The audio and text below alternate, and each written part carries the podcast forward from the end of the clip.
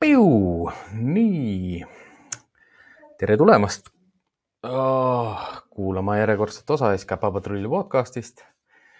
minu nimi on Siimaja, olen Siimaja nimelise kooli arendus- ja koolitusjuht.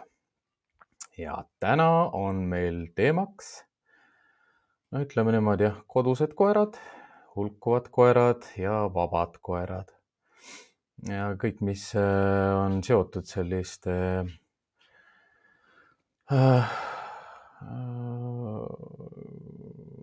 nende erinevate mõtetega nagu, mis, mis tekivadki seoses äh, kodu, kodustatud koertega, koduse koertega, inimeste koertega.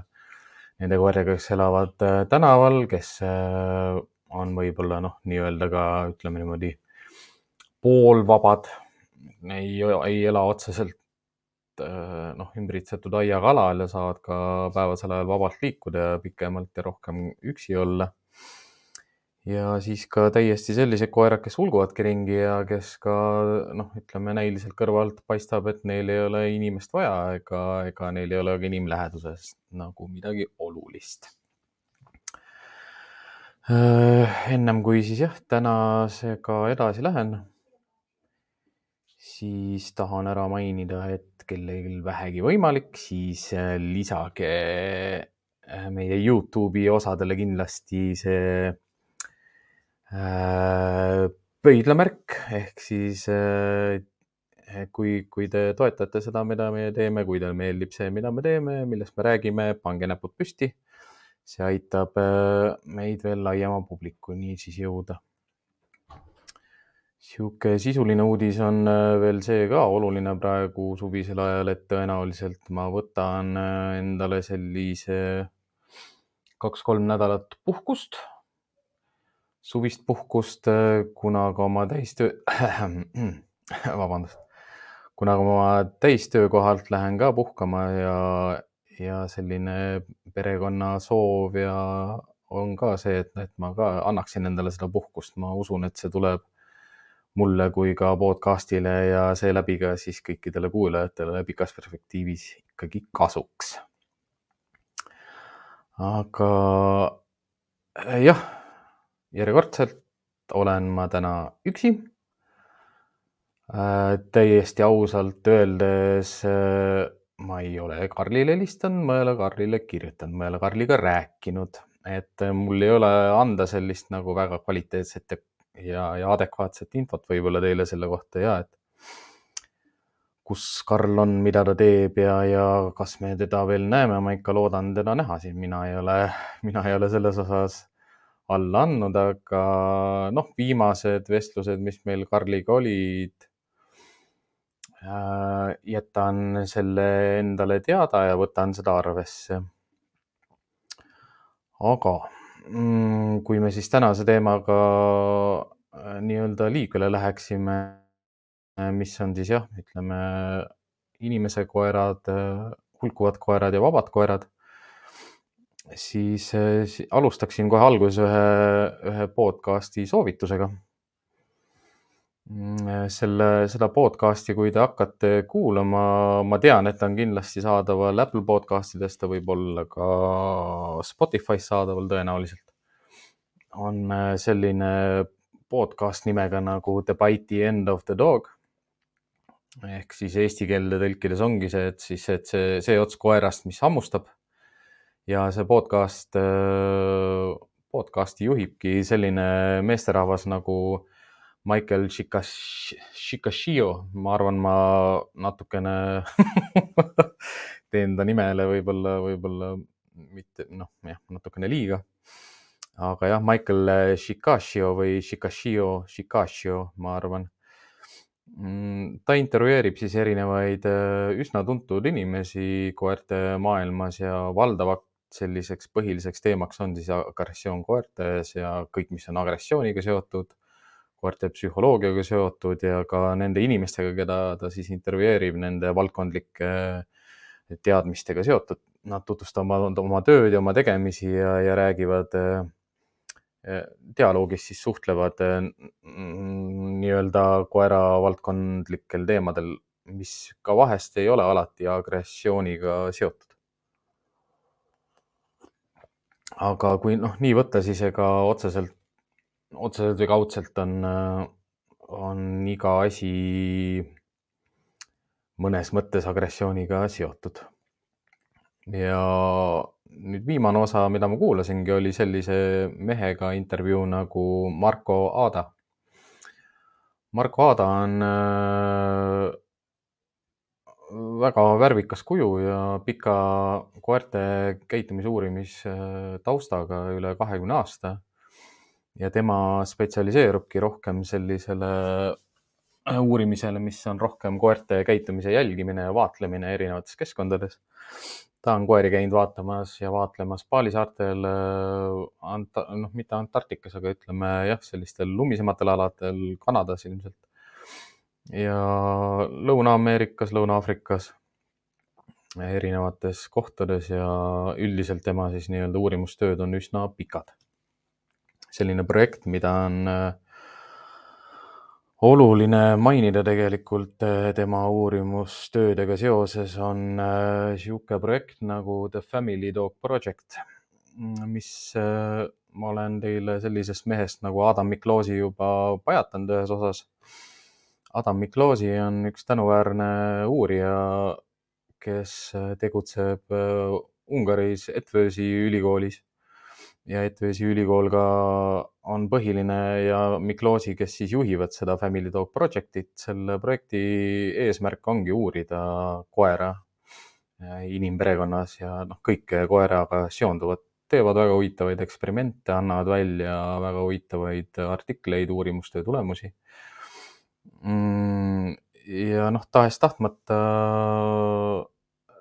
kindlasti mina olen üks selline valdkonnas tegutsev spetsialist, kes, kes nende poole kaldub ja, ja hea meelega väga-väga hea meelega, sest tõsi, tõsiselt kvaliteetne töö, väga hästi selgitatud eksperimendid, väga hästi üles ehitatud eksperimendid, rohkem kvalitatiivsed kui kvantitatiivsed ja ja tulemuste tõlgendamisel jäetakse alati selline ma ei ütleks, et, et, et sinna jäetakse tühja õhku või midagi sellist, aga sinna jäetakse kindlasti sellisel mõnusal hulgal nagu veel spekulatsiooni võimalust või siis edasise uurimustöö võimalust. aga millest siis äh, nad oma podcast'is rääkisidki ja mis tänaseks osaks nagu inspiratsiooni andis ka, oligi kõik need mõtted, mis äh, nende vestluse käigus nii-öelda välja öeldult minu jaoks äh, oluliseks pidepunktiks tekkisid ja, ja mille, mille, mille toel ma tahaksin tänast nii-öelda monoloogi, tundub monoloogi üles ehitada, jah.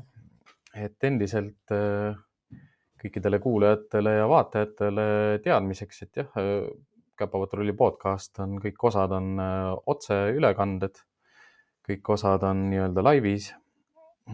kõikides osades äh, on mul siin kõrval chat avatud, kuhu kõik saavad kirjutada oma küsimusi, mida nad soovid küsida, kas teemaga seoses või ka täiesti vabalt on teretulnud ka kõik teemavälised küsimused.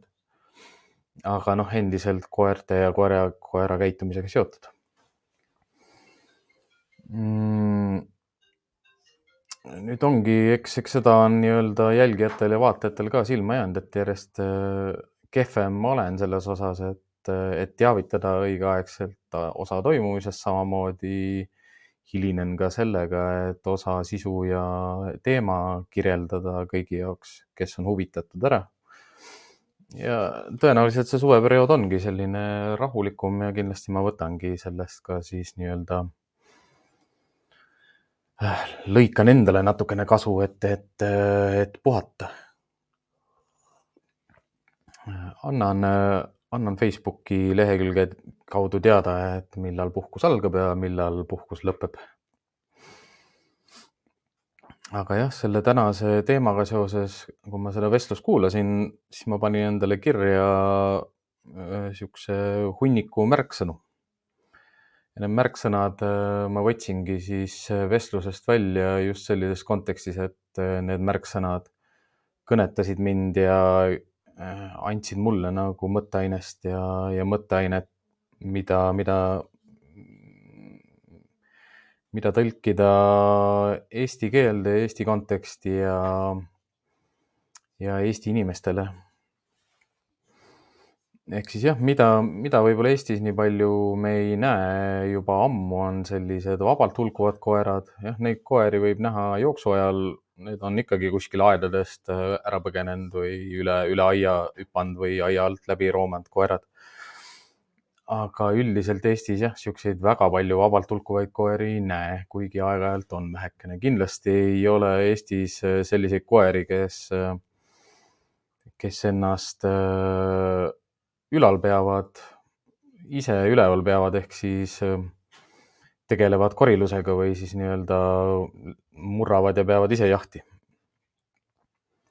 aga noh, seesama ei ole kehtiv terves maailmas ja niisugune huvitav mõte, mis minuni jõudis, oligi see, kuidas jälgiti koeri Paali saarel või Paali saarestikus äh, noh, saare peal olevaid koeri saab jälgida ka Küprosel ja lähemal Euroopale, aga ütleme, mida noh, kõrvalisemaks need alad lähevad, seda, seda rohkem valgust ta nagu heidab sellele, et mida koerad teeksid siis, kui neil ei oleks inimkaaslast. mida nad teeksid siis, kui nad ei oleks inimasutuse lähedal. ja mis juhtub siis, kui, kui sellised Äh, tasakaalukad looduses elavad koerad, kes jätavad sõbraliku ja tasakaaluka mulje, võetakse ikkagi teadlaste poolt endale lemmikuteks ja viiakse Euroopasse kodudesse.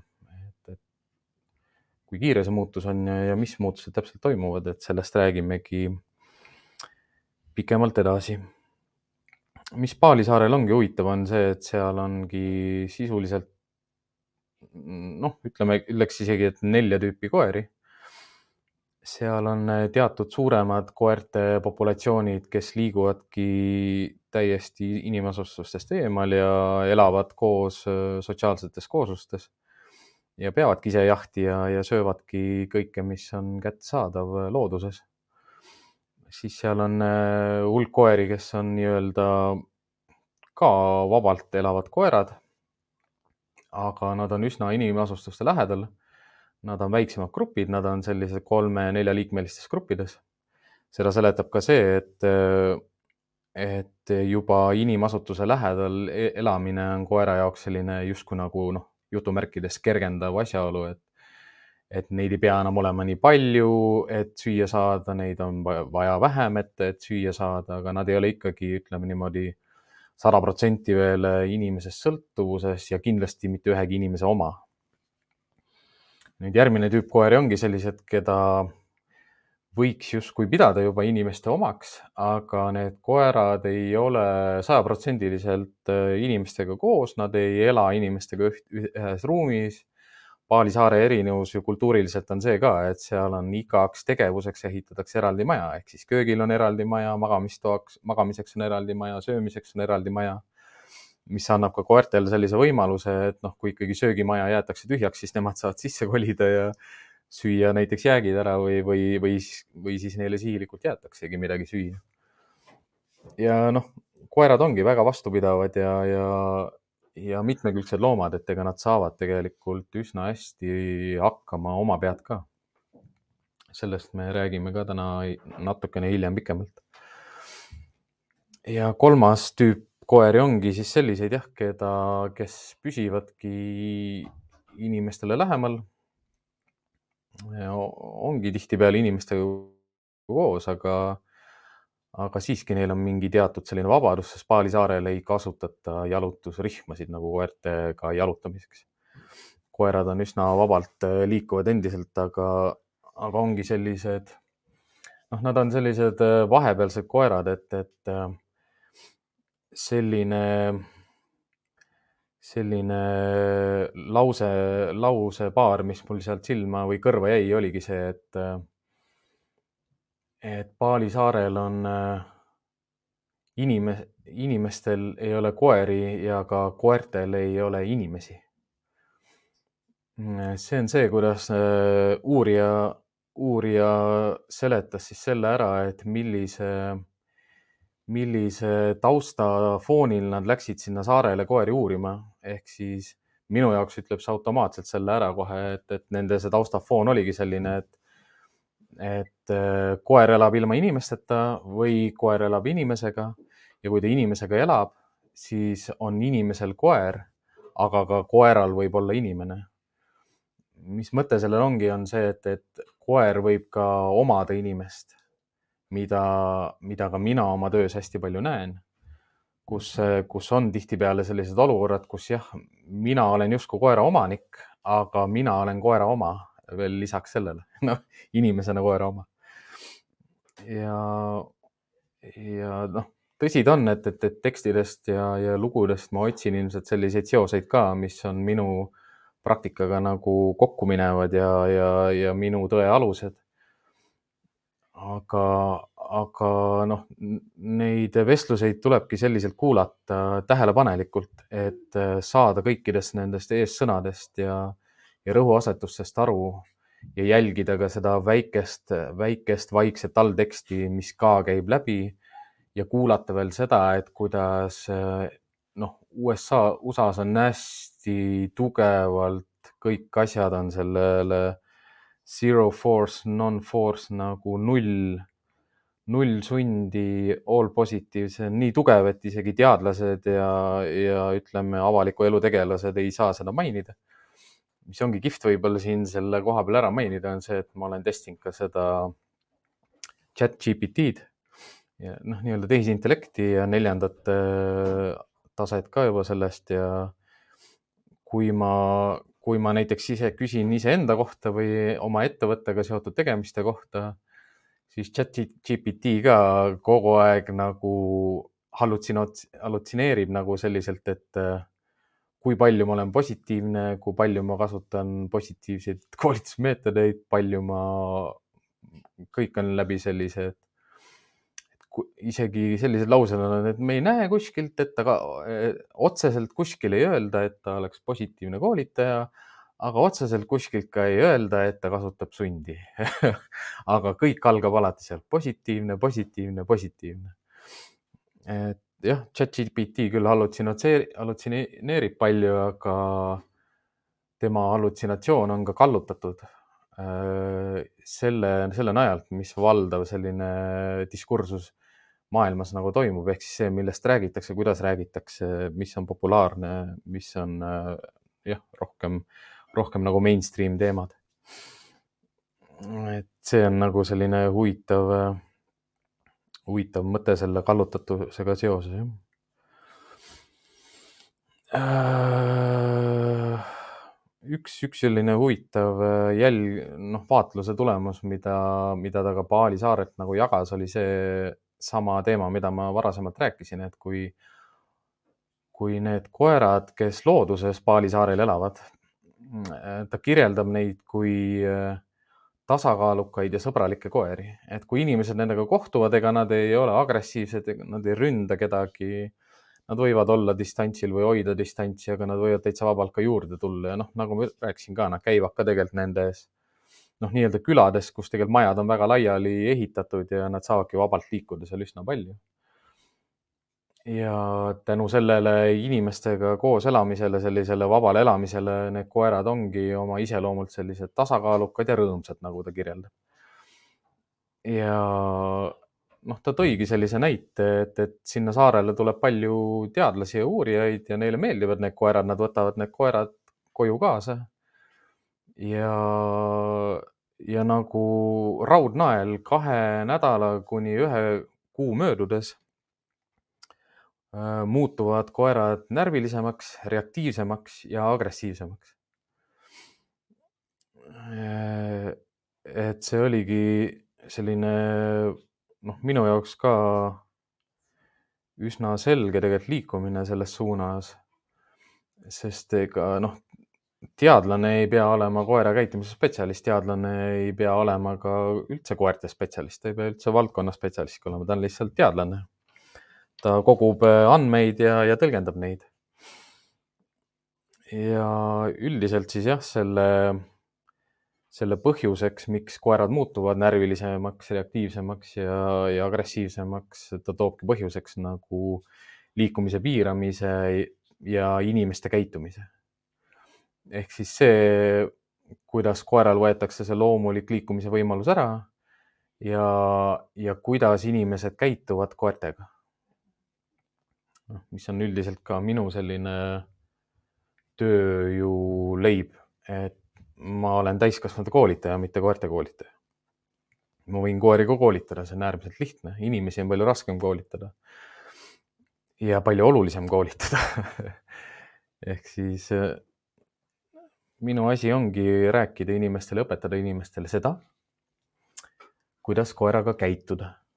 Mitte, mitte teda võib-olla nii väga palju treenida või, või dresseerida. selle liikumise piiramise osa äh, täpsustus ongi hästi oluline see, et äh, kuskil ei ole öeldud ja keegi ei ütle ka edaspidi, et koerte liikumist ei või piirata aga oluline on seal jälgida seda, et seda liikumist piiratakse loomulikult, nii loomulikul viisil, kui see sellele koerale bioloogiliselt omane on. Ja noh, ma lihtsalt äh, tuletan meelde, koerad magavad kuusteist tundi päevas ja nad on uruloomad. mõelge nende kahe asja peale. magavad kuusteist tundi päevas ja koer on uruloom mm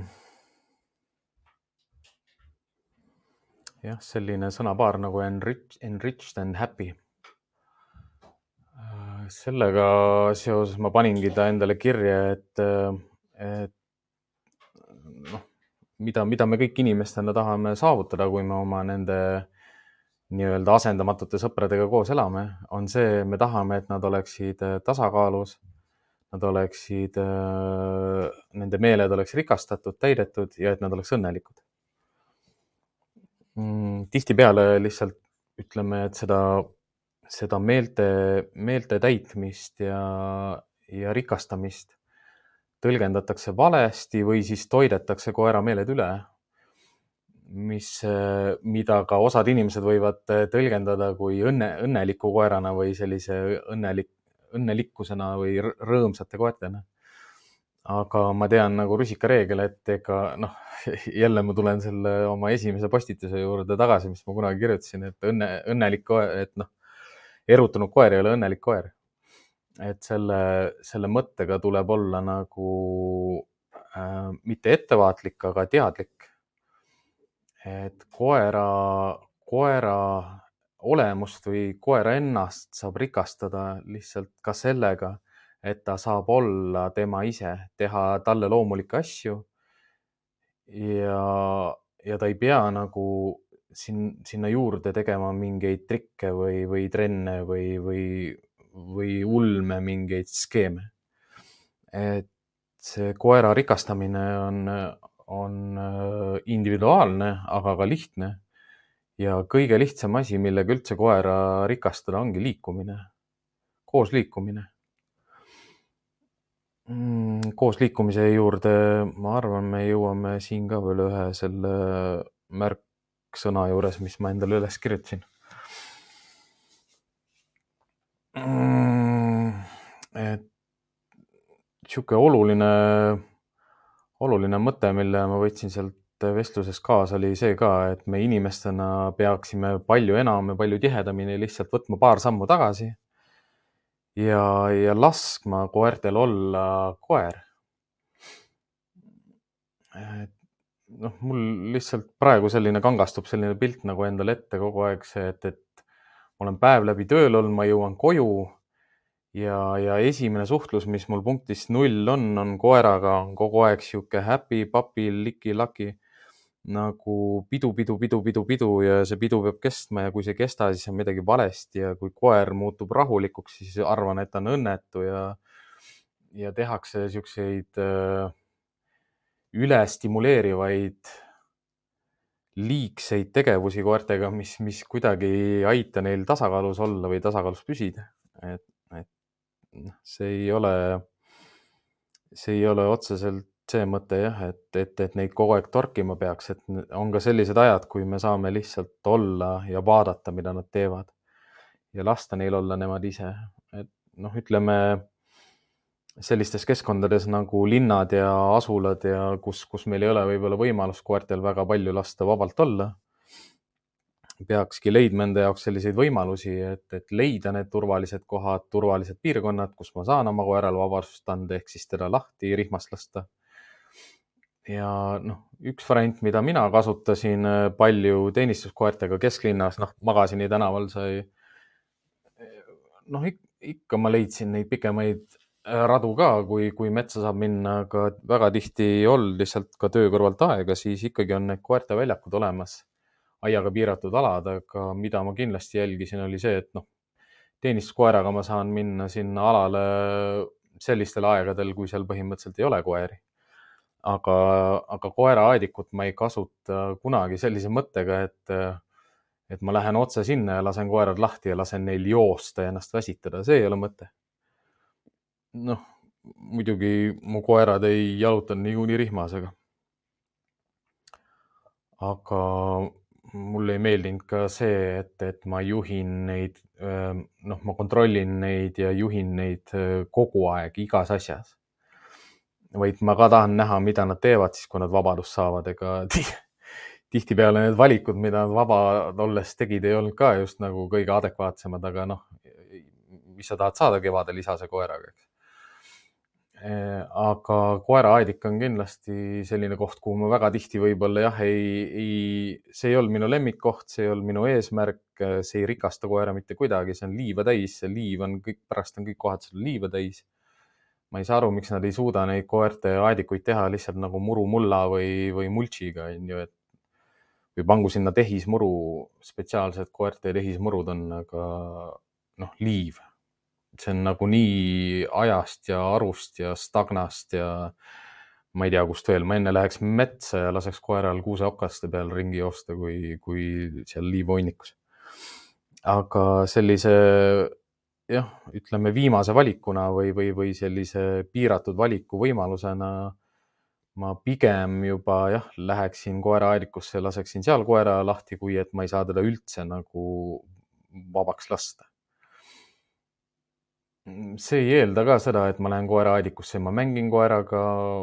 soovitan äh, koeraaedikus käia kasvõi niimoodi, et, et lähed koos koera koeraaedikusse ja, ja jalutad koeraaedikus edasi. jalutad ise ringi ratast, pane podcast käima ja, ja, ja käi ringi ratast. noh, tõenäosus on, et kui koer oma nuuskimised asjad saab ära tehtud, siis ta hakkab koos sinuga sedasamat ringi käima, et see on juba ka selline noh, ütleme näiteks selliste koerte puhul, kes veavad ja ei liigu inimesega koos, et, et see harjutus on ka Äh,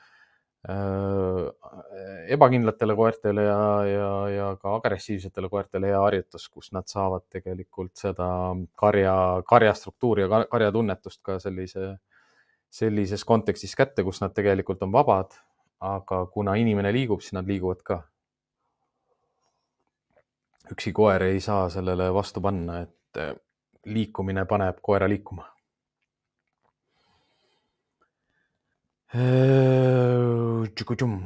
ja noh, mis ongi ju rihma selline põhiline mure ongi see, et, et need signaalid ja see suhtlus, mis meil läbi rihma koertega toimub, ongi selline meie jaoks nagu võib-olla teatud kontekstis nagu loomulik, ehk siis noh ma ei lase tal igale poole minna, ma tirin teda vahest ebamõistlikutes suundades, ebamõistliku tugevusega. jagan neid signaale paremale-vasakule, tähele panemata tegelikult isegi inimesena ka. mis signaale ma talle fleksipingega jagan, mis signaale ma talle, mina ei tea, kogemata mingite fleksi stoppidega jala, jagan ja nii edasi, nii edasi. ja jah, Katrin aedikus jalutad ilma rihmata. see ongi sellisel juhul, kui seal aedikus ei ole teisi koeri. oleneb ka muidugi nendest koertest, kes aedikutes on, et ma olen saanud terve aediku koos oma koertega koos minuga jalutama, see oli seal Snelli, Snelli tiigi taga on, on üks koerte aedik, ma käisin seal ka, sest ütleme Magasini tänavalt jalutada Snelli tiiki, ütleme läbi vanalinna, sihuke hea ring, enne kui koeraga minna aedikusse, et noh, koerad on siis juba natukene väsinud ja, ja hea minna aedikusse. ja, ja noh, ma lasen oma isased koerad sinna vabaks, nad teevad oma hädad ära, markeerivad ära, kontrollivad ära, nuusivad ära, saavad teada, kes on, käivad kõigi juures ära. aga mina käin edasi kogu aeg ja, ja nad tulevad minu juurde. Ja tihtipeale, mis koeraadikutes juhtub, kui seal on rohkem koeri, siis varsti on sul terve see koerakamp on sul selja taga, kõik jalutavad sul järgi jah, nad aeg-ajalt võivad sealt välja tilkuda, kui, kui mingi hääl on kuskil või mingi inimene tuleb või keegi proovib nende tähelepanu saada, aga kui keegi neid ei sega, siis kõik need koerad hakkavad äh, teil järgi käima ja kõik koos ühes sellises hunnikus. et see on niisugune hästi loomulik ja mõnus, äh, mõnus harjutus. ma tegin seda Betsitis, kui ma töötasin hotellikoertega. Äh, kui väljas näiteks sajab paduvihma ja hotellis on niisuguseid koeri ka, kes, keda pärast ma peaksin föönitama või noh, pomeraanianid ja niisugused karvasemad või siis koerad, kes ei tohi väga mustaks minna, kui on mõni puudel, keda on raske ka samamoodi puhastada, pesta pärast, et see võtab kõik aega. sise, sisehall oli seal olemas, vana, varasemalt oli seal suurem, suurem sisehall, kui ta oli veel seal nii-öelda paremat kätt, kui lähed Rannamõisa sisse, siis oli suur sisehall, seal oli hea koertega ringi rattas käia, sest noh, see oli ikka omaette ring nagu koeraga teha. ja me saime otse hotellist saali, uks oli otse hotellist saali. siis ma jalutasin kõikide hotelli koertega seal ühtepidi, teistpidi ja ja väikses saalis samamoodi, ega, ega see ei muutnud mitte midagi, eriti kui veel noh, toodi, toodi hotelli mõni selline agressiivne või, või noh, üheksakümmend protsenti juhtudest on ju koer argagressiivne, ega nad ei ole nagu, nagu killer vihane agressiivne, ta on argagressiivne ja sa pead ta kuidagi sellesse karja sisse saama ja ainuke viis ongi ju rihma mitte külge panna, teha boksi uks lahti ja lihtsalt minna. Ja ta, nad kõik tulevad kaasa, isegi kui ta natuke aega väriseb seal, ta lõpuks ikka tuleb kaasa. sest ta on koer, ta, ta on sotsiaalne loom, ta tahab olla teistega koos kui kuskil mingid hääled on, midagi toimub, siis, siis nad jalutavad kaasa. ja no seal sai ikka imesid tehtud ja ise noh, hea õppimise koht. ja, ja omanikud ei tundnud tihtipeale oma koeri ära, seal oli hea ka, seal sai nagu seestpoolt läbi akende vaadata koeri.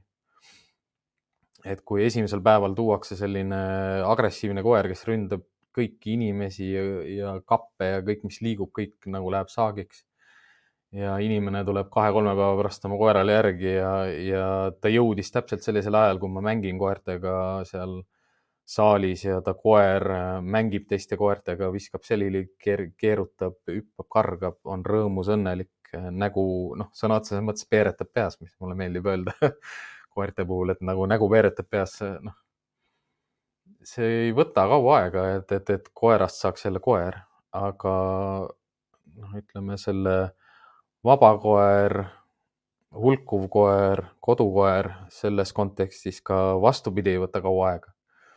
et kui sa võtad vabadusest koera ära ja paned ta piiratud keskkonda, kus sa ei täida tema bioloogilisi ja naturaalseid vajadusi ja iga päev järjest rohkem surud seda koera alla, kus ta frustreerib ja läheb stressi. ma just proovisingi enda jaoks ka konteksti panna sellist äh, mõtet nagu, et kas koerad lähevad depress-, depressiivseks.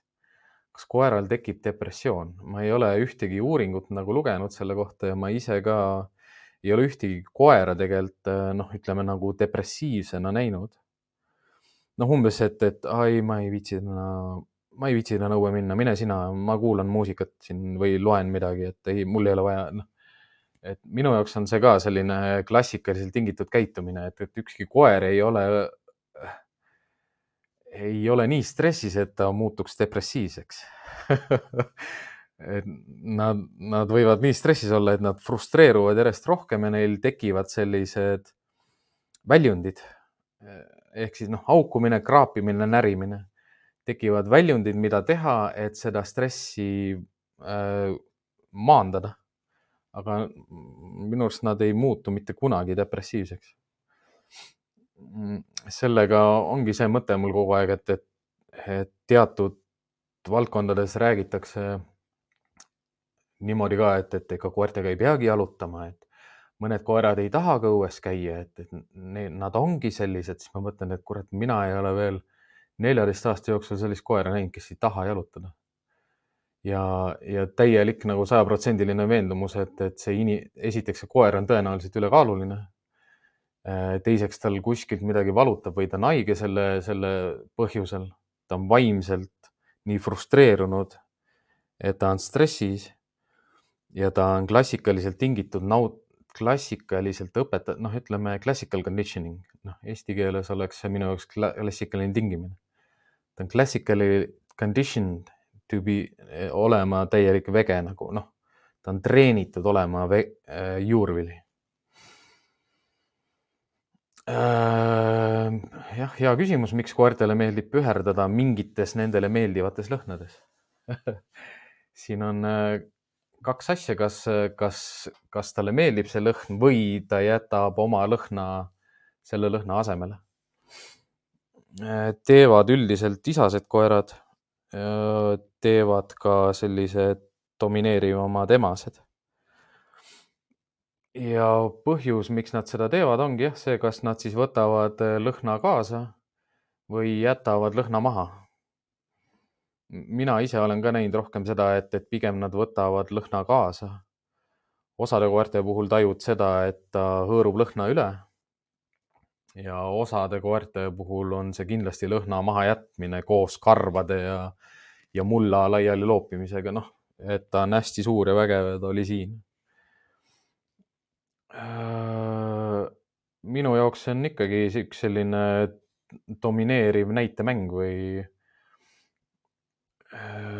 ta ei ole mitte kuidagi nagu agressiivne ega pahatahtlik, aga ta on noh, märk domineerimisest, domineerimises mitte selles kontekstis, et, et nüüd hävitatakse midagi või keegi hakkab nüüd saama, vaid dominantne, domi-, domineeriv isane, aga ma olen, mõtlen just oma isaste koerte peale, et nemad peaaegu alati võtsid lõhna kaasa.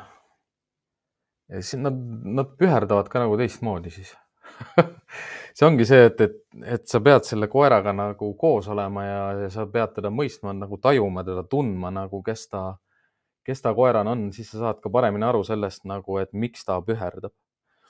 võib-olla mõned koerad püherdavad sellepärast, et neil selg sügeleb või noh, ma ei tea, ta märg või noh, midagi sellist aga äh, teatud märk nagu domineerivast või teatud selline domineeriv käitumine, jah, ütlemegi, et sihuke domineeriv näitemäng või domineeriv mäng, domineeriv kehakeelne mäng. aga mitte kuidagi pahatahtlik. võivad rohkem püherdada just siis, kui on jah, jooksuaeg ja või mingi jah, mingi raibe on kuskil ära surnud või mingi hea ja, ja tugev lõhn on kuskil, mida on vaja kindlasti enda külge saada. Siuksed reeglina jah, väljaheited või, või midagi sellist. ehk siis jah va, aedikus vabalt nagu koertel lasta olla ongi selline hea võimalus anda neile vabadust turvaliselt, aga samal ajal ka mitte õpetada neile mitte midagi, aga anda neile sellist tun-, kuuluvustunnet, ühtekuuluvustunnet koos liikumises. Isegi kui nad on mingid ulmevedajad, et seal ikkagi tekib see võimalus nagu rahustada teda natukene ja, ja viia koera tasakaalu rohkem. sest selle, noh, oluline on mõista seda, et, et rihm on meie jaoks kommunikatsiooni tööriist, et noh, mitte midagi muud kui, kui kommunikatsioonivahend. mitte kinnihoidmise vahend, mitte tagasihoidmise vahend, vaid suhtlusvahend. Jah, sellises kontekstis jah, kus, kus ma olen koerale kutsikast saati õpetanud, et kui sa vead, siis sa saad, kuhu sa tahad minna, siis sellises kontekstis ta on jah, juba kinnihoidmisvahend ja tagasihoidmisvahend. aga ta ei peaks olema, ta ei tohiks olla ja ja noh, jah, ta ei tohigi olla, ta peab, ta on kommunikatsioonivahend, ta on suhtlusvahend. ja kui koer ei saa sellest kommunikatsioonist aru, siis noh, sealt tekibki see, see arusaamatus.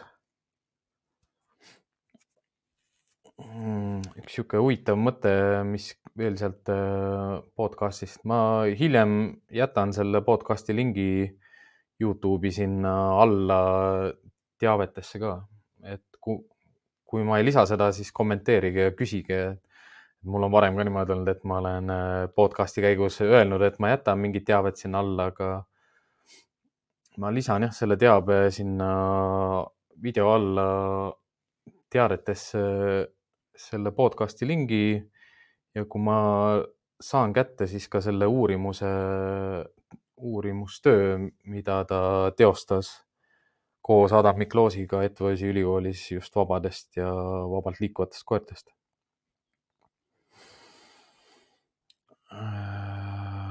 ja noh, ta räägib seal üsna pikalt ka sellest äh, teemast, mida ma puudutasin eelmises osas, et äh,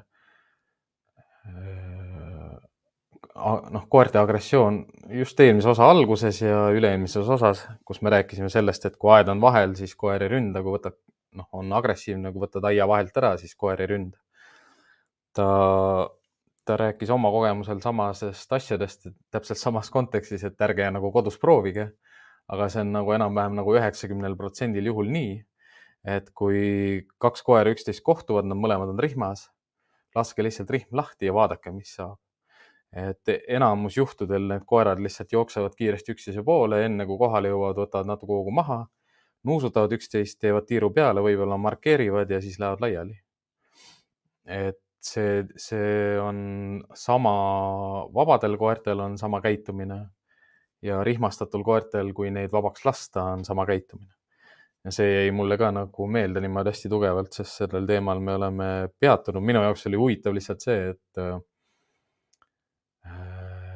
ta ka tegeleb klientide ja koertega, ta teeb seda päris tihti, aga ma saangi aru, et ta tekitab siis sellised turvalisemad keskkonnad, kus, kus seda justkui nagu inimestele tõendada ja näidata, et need koerad ei ründa üksteist.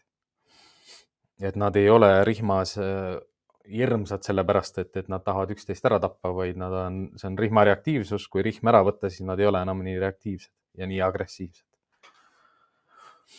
Mm, ja noh, ta põhjendabki seda, miks koerad ei ründa üksteist äh, sellises kontekstis ongi see, et äh, see ei kindlusta nendele koertele süüa ja, ja, ja diivanit ehk siis koerad tahavad elada edasi, koerad tahavad olla terved, iga koer tahab olla terve, iga koer tahab elada. ja selline kaklus ei taga talle ei süüa ega diivanit tihtipeale kodus, koduse inimestega koos elavatel koertel on see söök ja diivan olemas. aga need ei ole ikkagi piisavalt suured motivaatorid, et, et kakelda või võidelda selliselt, et, et vigastuse tõenäosus on hästi suur. Et, et kui teil ma ei kujuta ette, kas kellelgi peaks tekkima selline võimalus kunagi, aga kui te nagu tajute ja tunnete ja, ja näete vastastikku, et, et, et, et see on niisugune koht ja aeg, kus seda proovida, siis soovitan, soovitan ära teha ja proovida. et noh, nagu ka tema ütles, et kõige hullem, mis saab juhtuda, on, on niisugune väike, väike kaklus, kus kummagil ei juhtu eriti midagi just nagu rihmastatud koertega ja väga inimeste lähedal olevate koertega juhtub rohkem selliseid õnnetusi, kus neil noh, mokk läheb katki, kõrv läheb katki, silmanurk läheb katki, just need õrnad, õrnad kohad mm,. muidugi jah, siin on alati selliseid erisusi sees ja, ja üldiselt ei, ei soovitaks kellelgi mitte kunagi midagi proovida, et, et alati kindla peale välja minna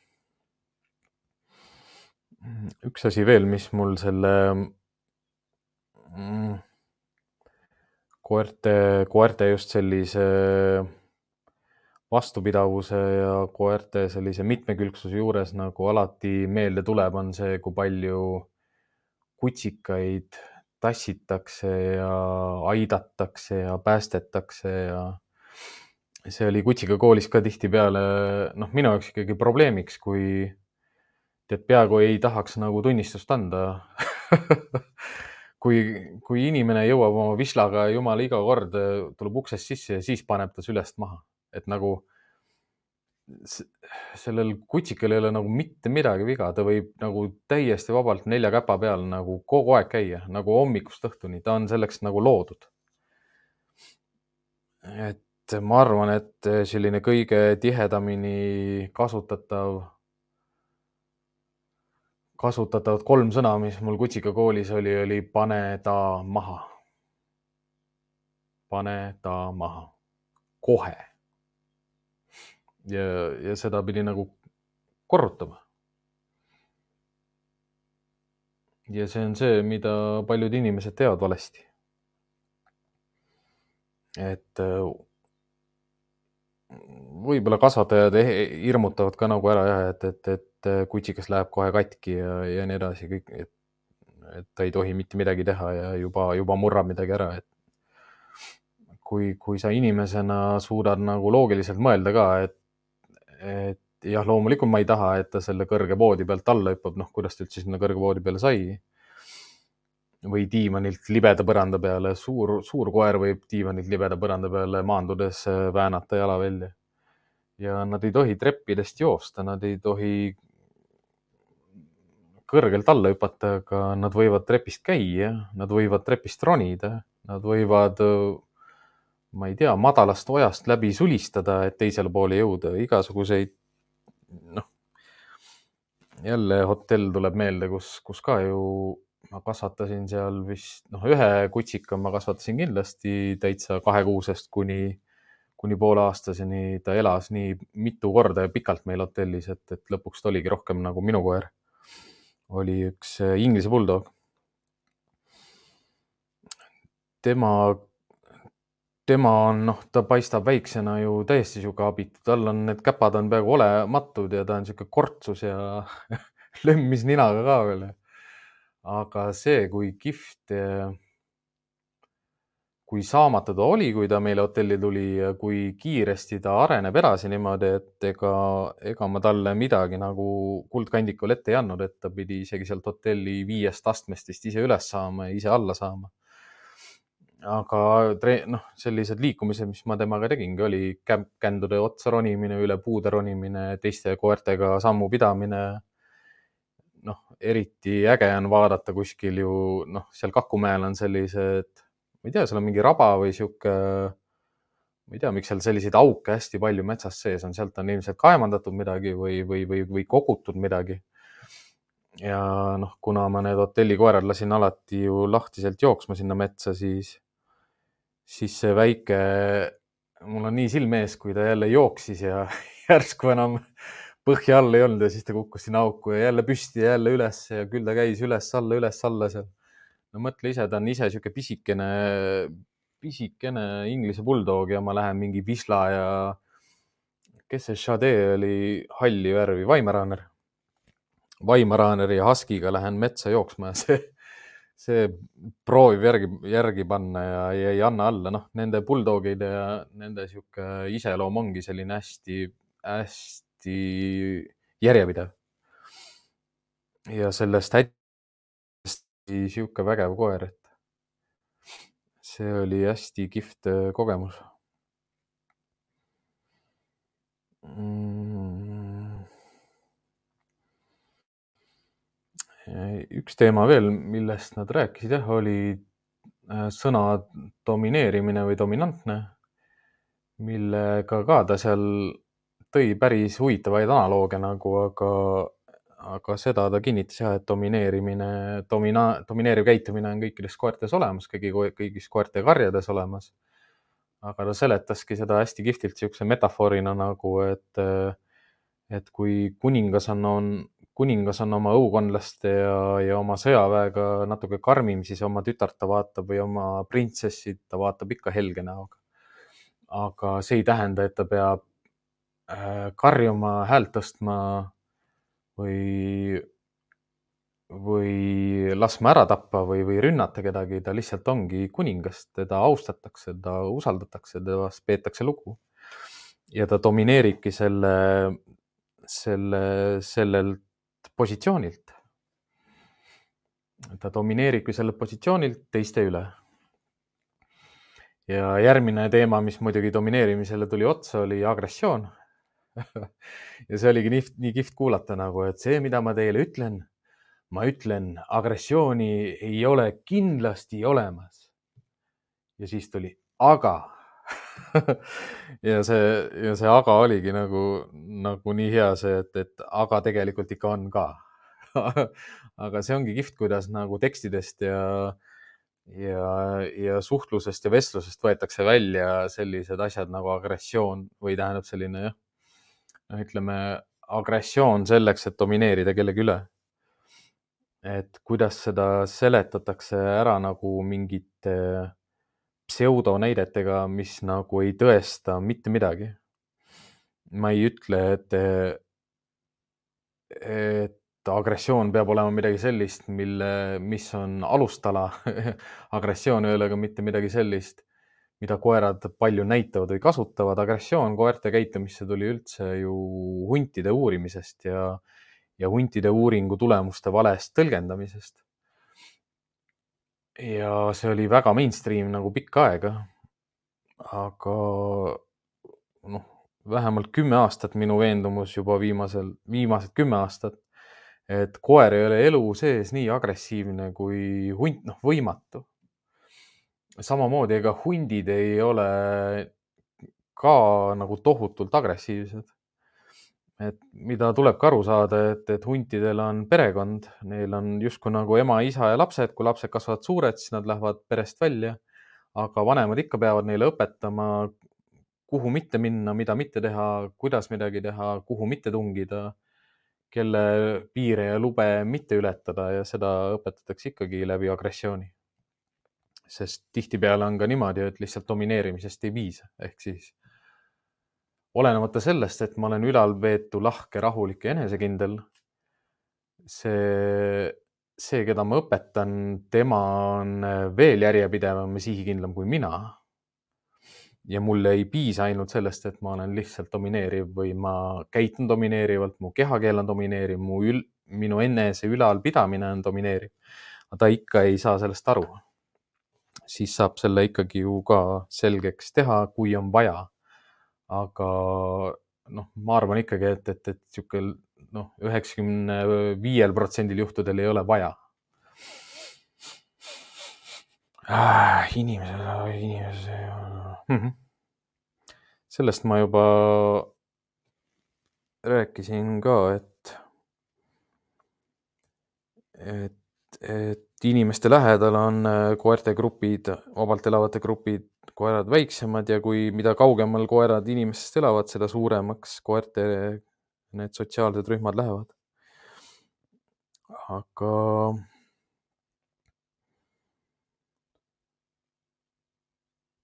äh, domineerimise kohta ta ütleski nii huvitavalt jah, et see domi-, noh, domineeriv käitumine, dominantne käitumine siis noh, määrab määrab, loob ja, ja, ja, ja selgitab kõikidele karjaliikmetele siis selle domineeriva looma, noh, ütleme ka koera, ütleme sellise pere, perekarja kontekstis ka siis nii-öelda inimese, inimese rolle, õigusi ja, ja, ja õigusi karjas jah, nad ei kasutanud kunagi isegi vist sellist terminit nagu kari, aga noh, minu jaoks seda on ikkagi noh, ma ei, ma ei hakkaks nagu koera sellise inimesed koeragrupi kohta nagu seltskond ka ütlema, et, et ütleks ikkagi kari, aga võib-olla jah, mitte sellises äh, lambakarja tähenduses aga jah, see, see oli kihvt jah, et, et ei ole ema, aga, aga on isa ja on, et ei ole alfat, aga on, on, on isa ja on ema ja on lapsed. jah, mitte agressiooni küsimus ei olnud, vaid just see alfa küsimus. et kas on alfa ja kes on alfa, et alfat ei ole, aga on, on justkui noh, siis ta tõi neid hundi näiteid, aga hundid ei ole kuidagi koertega seotud ja ja see inim, inim, inimeste näide, mis ta tõi, rääkis noh, minu jaoks tugevalt tema enda vastu, sellepärast et ta, ta kogu aeg juhib tähelepanu sellele, et inimesed ei tohiks koeri liiga palju inimlikustada. ja siis alfa kontekstis ta toob nii, nii inimnäitel inimeste näitel näite, kus ta inimlikustab koeri hästi palju ja mis ei seleta kuidagi seda ära, et, et, et alfasid ei ole. Aga selliselt mõeldes küll jah, et kui, kui looduslike koerte karju vaadata, ega siis ju nagu niimoodi alfa positsiooni ei teki või niisugust alfat nagu hundi kontekstis ei ole.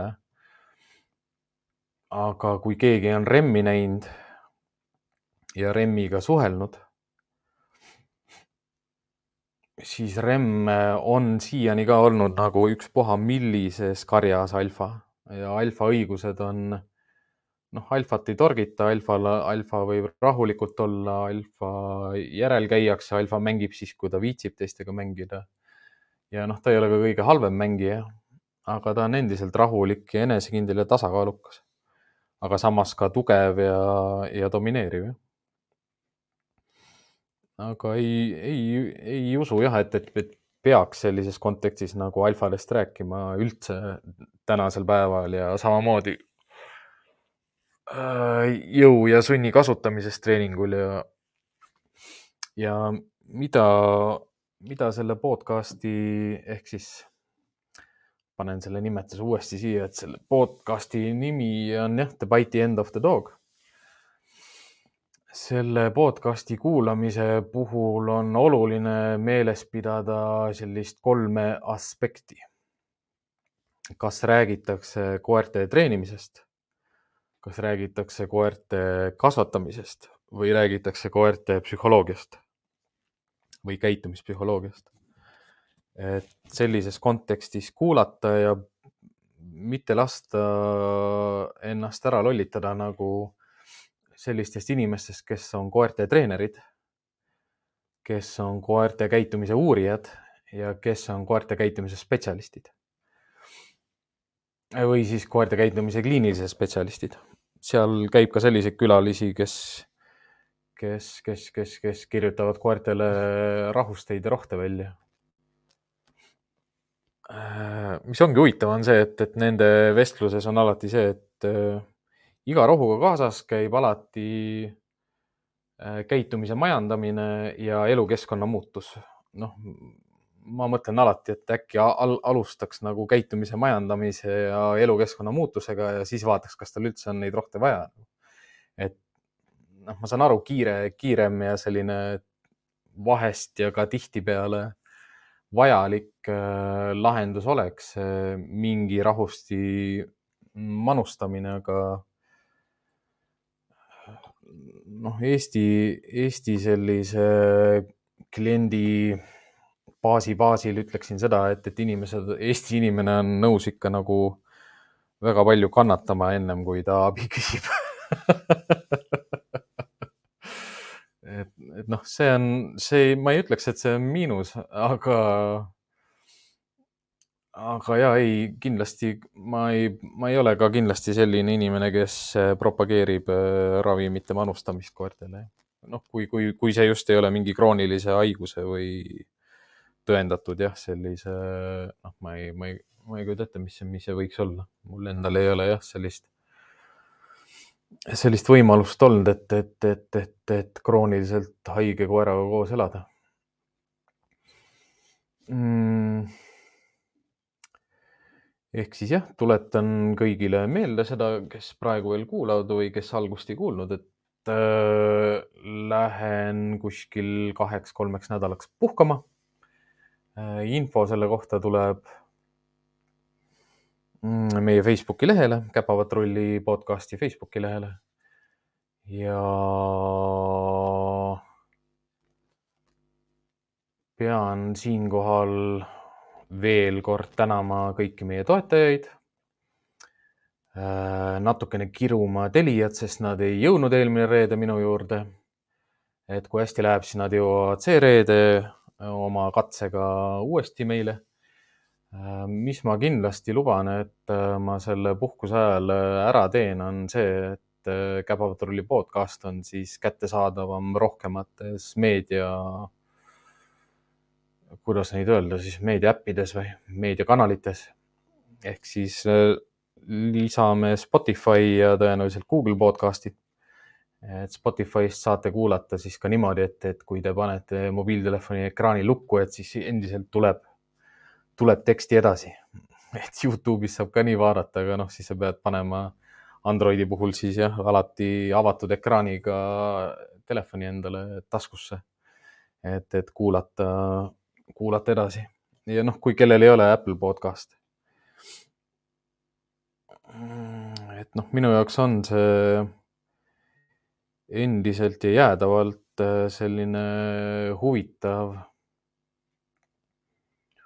huvitav missioon ja huvitav äh, tegutsemine, et, et äh, kuidas liikuda järjest rohkem sellise ühiskonna poole, kus koerad saavadki rohkem vabalt olla ja ennast väljendada vabalt olles ilma et see suhtlus ja suhe ja roll ja õigused ja piirangud oleks nende jaoks ebaselged või arusaamatud. noh, nii-öelda Eesti ühiskonnas, Eesti, Eesti linnade kontekstis. et äh, uurimustööd, äh, see noh, mis, mis kõige rohkem nagu hämmastab, ongi see, et, et, et just need viimase aja uurimustööd ja just viimase kahe-kolme aasta äh, eksperimendid ja, ja, ja, ja raamatud ja, ja, ja sellised, noh, neid nimetatakse selliseks nagu tuletuslikeks eksperimentideks või tuletuslikeks uurimustöödeks. noh, üks näiteks on äh, Mark Beckhoffi raamat, kus nad kujutavad ette sellist maailma, et mis juhtuks siis, kui inimesed lihtsalt üks päev ära kaovad et kas koerad saavad hakkama. noh, lühidalt vastus on jah, et saavad hakkama küll jah, aga seal on, seal on ka teatud eri, erisusi sees, et äh, millised tõud ja nii edasi. kui äh, noh, nii, nii tore ja hea oleks, kui see oleks kuidagigi, kui see protsess nagu selle maailma suunas oleks kuidagigi kiirendatav vastuseid sellele hetkel veel ei tea, aga, aga noh, eesti keeles on selline kena lause ka nagu kaua tehtud kaunikene et noh, teeme siis ühe kaua tehtud kaunikese ja jätkame lihtsalt tasa ja targu, tasa, tasa sõuad, kaugele jõuad. aga jah, äh, puhkuse ajal või nüüd juuni, juuli, juulikuu jooksul siis jälgige, info selle kohta tuleb kindlasti meie kanalitesse äh,. Facebooki kindlasti äh,. ma saan seda jagada ka Siim Oja kooli kanalitesse, kui, kui podcast on laiemalt kättesaadav erinevatest äh, meedia, meediakanalitest ja, ja ma usun, et, et paljud meie kuulajad ei ole, ei ole mitut meie osa, varasemat osa veel kuulanudki oluline, oluliseks pean praegu ära mainida seda ka, et, et kuna meil on vahepeal sihuke kaks-kolm nädalat pausi, et siis selle aja jooksul ka, eks ma ise ragistan oma ajusid selles suunas, et, et äh, keda ma, keda ma vastas, äh, keda ma oma teise mikrofoni ja kaamera silma otsas tahan näha külalisena.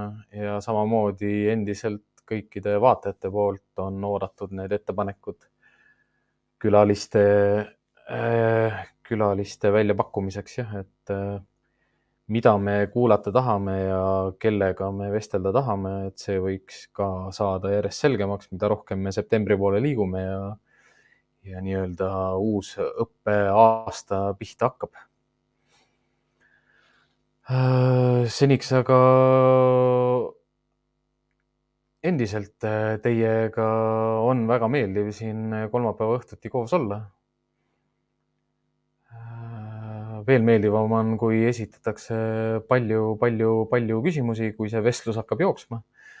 Äh, minu häda ja mure ongi see, et, et ma tean, et ma võin koertest tundide viisi rääkida, et aga see ei ole eesmärk omaette ja noh, see nädal ma veel nüüd homsest alates kohtun veel äh, teatud koertega ja nende omanikega ja, ja võib-olla ka sealt saab ainest nagu järgmisteks osadeks ja et ikkagi lahendada neid küsimusi, mis inimestel koerte käitumise ja, ja kooseluga seoses on tekkinud ja, ja tekivad, et ka eelmine nädal oli väga huvitav, kui mul ei ole olnud kunagi ühe päeva jooksul kahte sellist koolitust, kus äh, mõlemal koolitusel koerad ründavad mind, aga ei hammusta. noh, see on selline, selline sarnane osa, mis nendel kahel koeral oli, et esimene koer, äh, Amstaff, noh, nii pehmeid ründeid, nii, nii hirmsaid ja pehmeid ründeid ei ole ma kunagi tundnud, näinud ega kogenud täiesti. see oli nii huvitav, see oli nagu jah, nagu švammiga keegi katsuks sind, aga õudselt vihan, noh. noh, nagu väljapeetult nagu hästi hirmu, hästi hirmutav. aga nii pehme, nii pehme, kui üldse saab olla. noh, tõenäoliselt oligi hea see, et, et peres oli lapsi palju või noh, ma ei tea, kui palju, kaks vähemalt, ma arvan.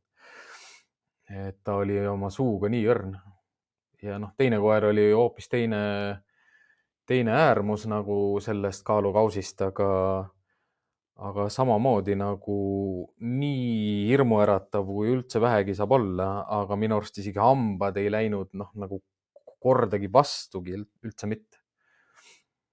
sellega mul tuleb alati meelde üks, üks pitbull kaks pitbulli oli selles peres ja, ja kuidagi see suhtlus või siis see ebaselgus suhtluses läks sinnamaani, et ta arvas, et ta peab hakkama minu peale haukuma ja urisema ja mind piirama ja mulle koha ette näitama, noh, ehk siis domineerima minu üle. ja ta jõudiski nii kaugele, et ta hoidis mu parem, sellest jalast, parem, jah, parema jala ümbert kinni ja hambad olid väljas ja lõrises ja haukus minu peale, noh no mul ongi see, et ma tavaliselt kasutan siis käsi et, et juhtida ta pilku nagu kas noh, vaadata, kumbasse kätte ta kinni jääb, kumba ta jälgima jääb ja siis selle käega, mida ta ei jälgi, sellega ma hammustan, hammustan vastu või noh, ütleme pigem siis jah, hammustan esimesena.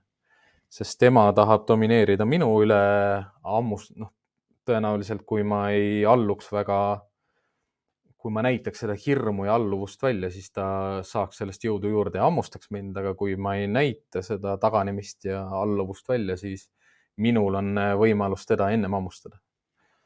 aga noh, siin ongi jälle see loogika, et äh, mina ei olen rahulikum koer ja ma olen enesekindlam koer, ma ei, ma ei tule sind hävitama ega sind äh, alavääristama kuidagi, aga selline käitumine mulle ei sobi ja sealt võidad jälle seda usaldust ja austust juurde ja noh, saadki rihm kaela ja jalutama, et noh, pidu läheb jälle edasi. et siukseid asju ja kogemusi on hea kogu, kogeda koerte koolitajatel, et ma ei pea kuidagi nagu halvaks seda, et või, või, või, või ma ei, tähendab, mis nagu see põhiline mure ongi see, et, et paljud käitumisspetsialistid, kes hobi korras praegu koerte koolitamisega tegelevad, nad nad väldivad äh, konflikte koertega ja nad arvavad, et nad saavad selle kommi ja pommiga nagu, nagu elu lõpuni lulli lasta, aga äh, agressiooni ei saa vältida ja agressiooni ei pea vältima ja agressiooni ei saa välja äh, meelitada või, või kuidagi treenida. agressiooni saab välja kasvatada ja kujundada koera elukeskkonda ja majandamist selliselt, et, et ta ei, tal ei ole vaja domineerida teiste üle. eh, jah, noh, teema läheb pikemaks. tahaks nagu otsad kokku tõmmata. aga jah, äh, lähme puhkama, puhake teie ka.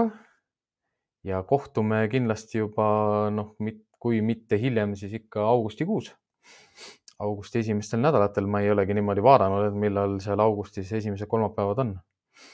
aga jätkame suvel endiselt jah, äh, pool üheksa õhtul. Äh, puhkame kaks-kolm nädalat, kogume mõtteid, kogume ettepanekuid, äh, kuulame teie kommentaare, vaat-, loeme ja vaatame neid, kui on midagi küsida, kirjutada või jätta mingit infot, teavet, arvamusi. võite kirjutada, joonistada kus mul, kus mul siin on jah, kas Siimoja kool at gmail.com või patrullijad at gmail.com. Need on need meiliaadressid, mille, mida me loeme ja millele me vastame. Messenger on olemas, Siimaja kooli Messenger on olemas, Käpapatrulli Messenger on olemas. kodulehed on olemas, Facebooki lehed on olemas, kirjutage, joonistage. Ja olge tublid ja nautige suve, ma arvan, et need ilmad peaksid nüüd võib-olla natukene paremaks minema ka. ja no nad võiksid heaks minna vähemalt siis, kui mul puhkus hakkab. Aga olgu. Äh, ilusat õhtut, jätke meelde, et teadmatus ei ole lollus. tšau, Pljau